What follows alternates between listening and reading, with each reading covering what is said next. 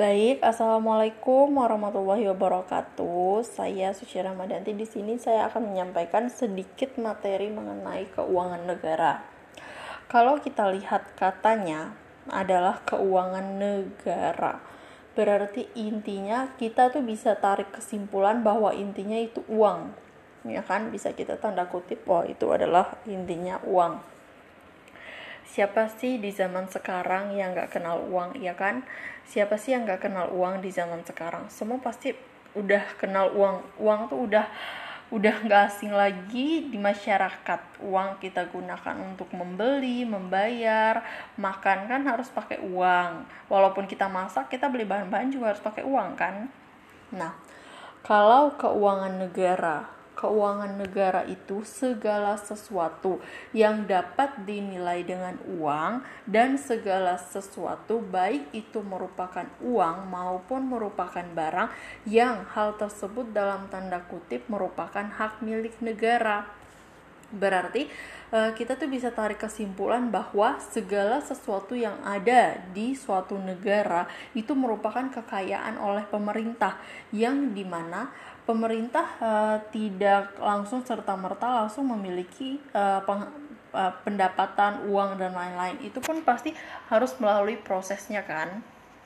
Nah uh, kenapa sih uh, seharus ada pajak yang dibayarkan?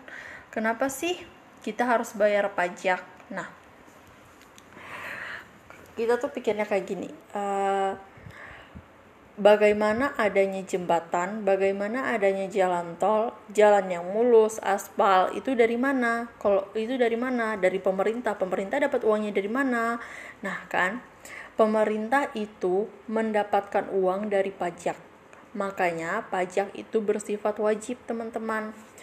Dan ada tanda kutip bersifat memaksa agar semua masyarakat itu membayar pajak. Kalau misalnya e, masyarakat tidak membayar pajak, dari mana pemerintah menyalurkan dana untuk membangun jembatan, jalan tol dan lain-lain?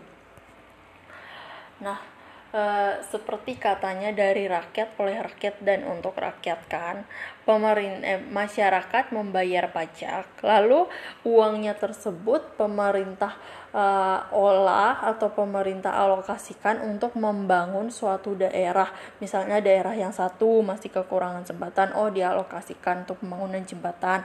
Daerah kedua masih kurang apanya, dialokasikan dananya supaya pembangunan di suatu daerah itu berjalan lancar dan daerahnya semakin bagus dan semakin baik.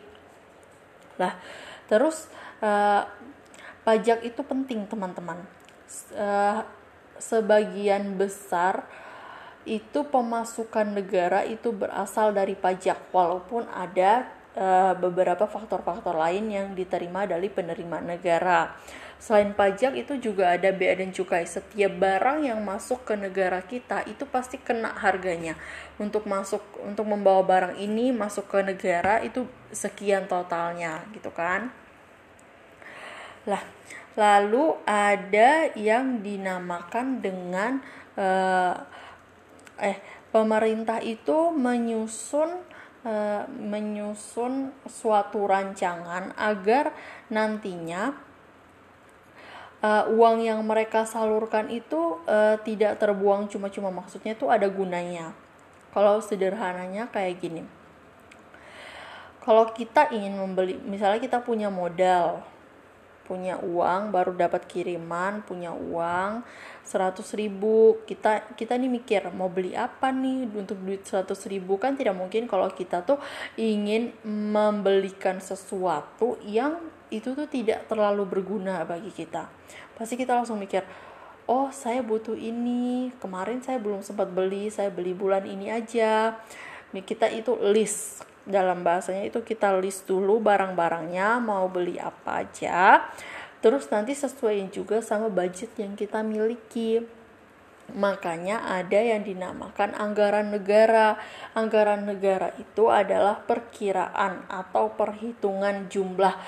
Eh, kira-kira uh, deh uh, uang yang kita mau keluarin itu berapa sama barang yang kita butuhin itu berapa itu belanja yang dikeluarkan oleh negara-negara kan juga harus belanja beli kayak kebutuhan mobil untuk para pengusaha uh, beli untuk meningkatkan kinerja fasilitas pemerintah. Nah, uh, kalau di Indonesia itu yang disebut dengan APBN, anggaran pendapatan dan belanja negara. Uh, selanjutnya itu uh, pemerintah juga merancang anggaran pendapatan dan belanja negaranya. Kenapa harus dirancang? Seperti yang saya bilang tadi, karena uh, kita harus memikirkan mana yang kita butuhkan dan budget yang kita keluarkan tuh sesuai sehingga masyarakat pun menerima benefit dari uh, dari apa yang uh, mereka bayar selama ini. Jangan sampai masyarakat rajin membayar pajak, tetapi nyatanya uh, uh, tapi nyatanya uh, mereka tidak menerima benefit apa-apa. Mereka sudah rajin membayar pajak, tapi jembatannya masih lobang-lobang, atau daerah mereka masih banyak lumpurnya, dan lain-lain, rawan banjir, dan kayak gitu. Masyarakat harus menerima benefit sehingga mereka tidak akan menyebut pemerintah dalam tanda kutip sebagai penipu rakyat, hanya mengambil uangnya tanpa memberikan benefit apa pun. Kalau kita berbicara tentang keuangan negara juga, ini hal yang sedikit sensitif. Kenapa?